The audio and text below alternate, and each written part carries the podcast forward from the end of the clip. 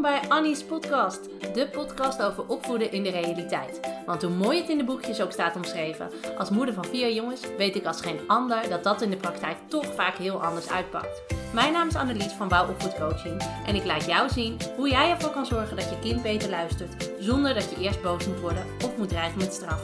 Op een nuchtere, praktische, humoristische en realistische manier. Veel plezier met deze aflevering van Annie's podcast.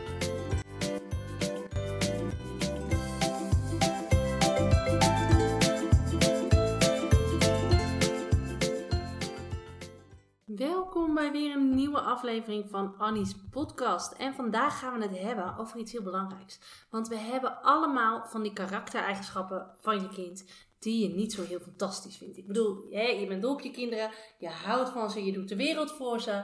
Maar er zijn ook een paar dingen, en dat zijn natuurlijk de karaktereigenschappen die je terugziet van je partner. Dat zijn niet jouw karaktereigenschappen, de goede dingen hebben ze van jou. Maar er zijn altijd dingen die je toch wel een klein beetje irritant vindt. Je kind is misschien wel heel bazig, of juist heel verlegen, of je kind uh, is misschien heel traag. Nou ja, hè, je kan er van alles uh, voor invullen. Maar er zijn altijd dingetjes die je gewoon, nou ja, laten we het niet verbloemen, gewoon een klein beetje irritant kan vinden. Weet je, en dan vraag je jezelf wel eens af: hoe kan ik er nou voor zorgen dat mijn kind eens wat minder bazig doet? Of hoe kan ik er nou eens voor zorgen dat mijn kind niet zo druk doet en niet zo veel doet? Of hoe kan ik er eens voor zorgen dat hij niet altijd achter me wegkruipt als een verlegen bang muisje, maar dat hij ook gewoon eens een keer ergens op afstapt en iets durft en iets doet? Nou, ik herken dat volledig. Ik heb natuurlijk zelf vier kinderen, zoals je misschien wel weet. En nou ja, hè, dat heeft iedereen. Maar wat belangrijk is om te beseffen, is dat je een ander nooit kunt veranderen. Je hebt geen invloed op het karakter van iemand anders. En sommige dingen horen nou eenmaal bij het karakter van je kind. En dat ga je er niet uitkrijgen.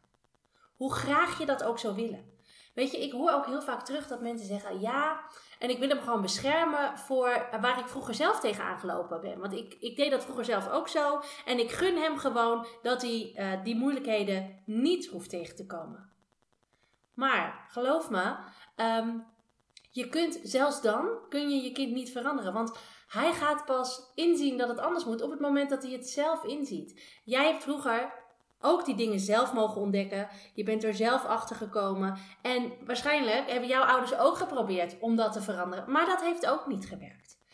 Weet je, de manier waarop je daar, daar tegen aangelopen bent, hoe je daarmee omgegaan bent, heeft je gemaakt tot de persoon die jij nu bent.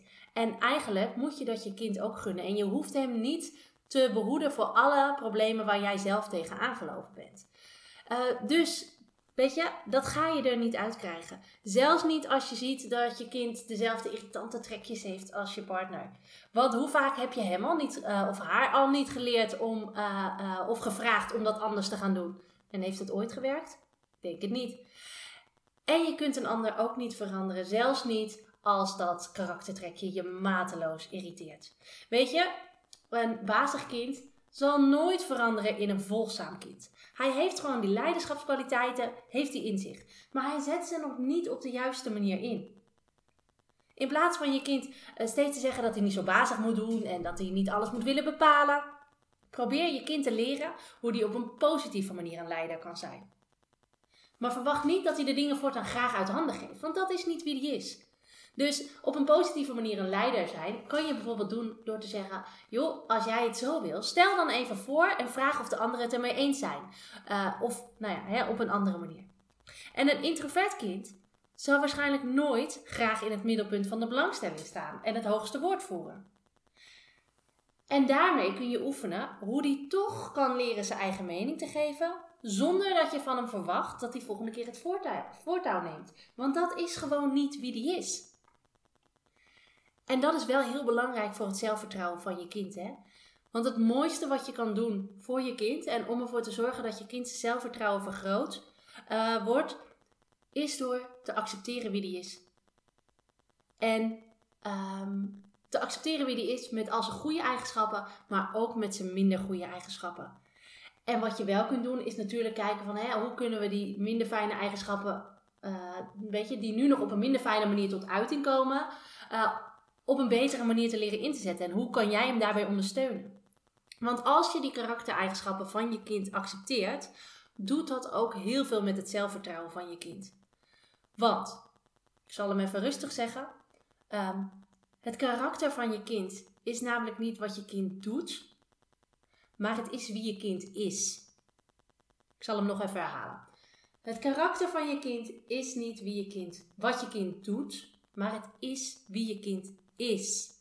En als je keer op keer commentaar krijgt op wie je bent, zonder dat je daar nou daadwerkelijk iets wezenlijks aan kan veranderen, dan gaat dat aan je knagen. Want je zelfbeeld wordt namelijk niet bepaald door hoe jij over jezelf denkt, maar dat is opgebouwd door hoe anderen over jou denken en wat andere mensen over jou zeggen en tegen jou zeggen. Voorbeeldje van mezelf. Je wil niet weten hoe vaak ik vroeger gehoord heb: Jeetje, ben jij druk? Je hebt zeker ADHD. En ik was ook wel wat een druk kind, zeg maar. Maar nog heb ik wel eens in bepaalde situaties dat ik tegen mezelf moet zeggen: Oké, vandaag ga ik proberen om eens niet het hoogste woord te voeren. Uh, en dan hoor ik mezelf dat steeds zeggen. En um, hoe ga ik dat zeggen? Tuurlijk, het is goed, want je leert rekening houden met anderen. En het is ook belangrijk dat ik leer dat ik niet de enige ben die, die moet kletsen. Maar het is ook wie ik ben. Want, uh, en het is ook waarom mensen mij leuk vinden. En ook een heleboel mensen me niet leuk vinden. En dat mag uh, ook. Dat is helemaal prima. Maar um, het drukken en het extraverte, uh, als ik in een groep mensen ben, dat maakt mij ook wie ik ben.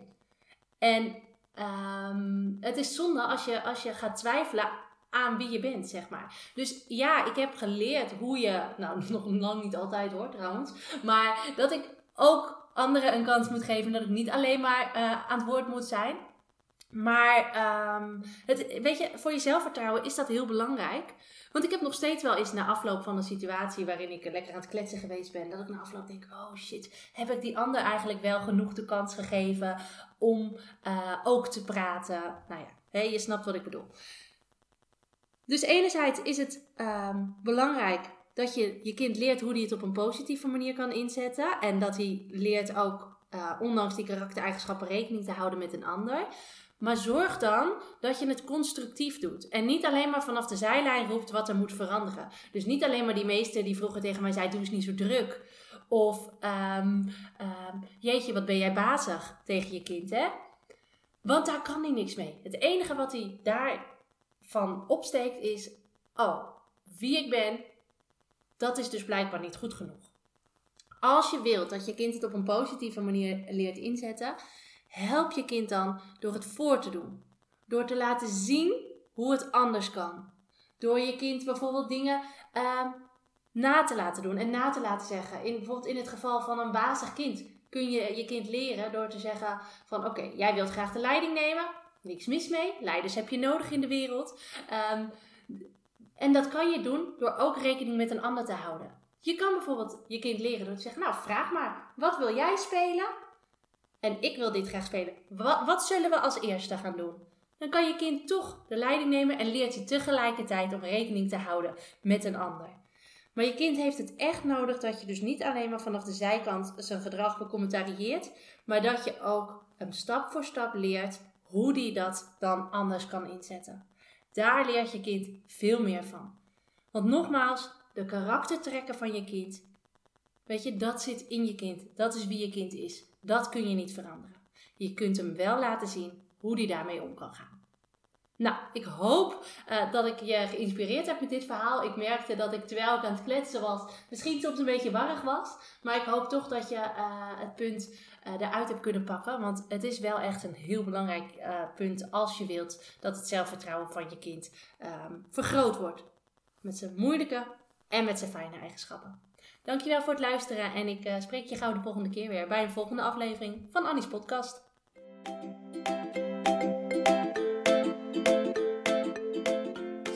Leuk dat je deze podcast hebt beluisterd. Kan je nou niet wachten tot de volgende aflevering van Annie's podcast? Ga dan naar Instagram, zoek me op via wouwlaagstreepje want daar deel ik iedere dag toffe en inspirerende tips met je.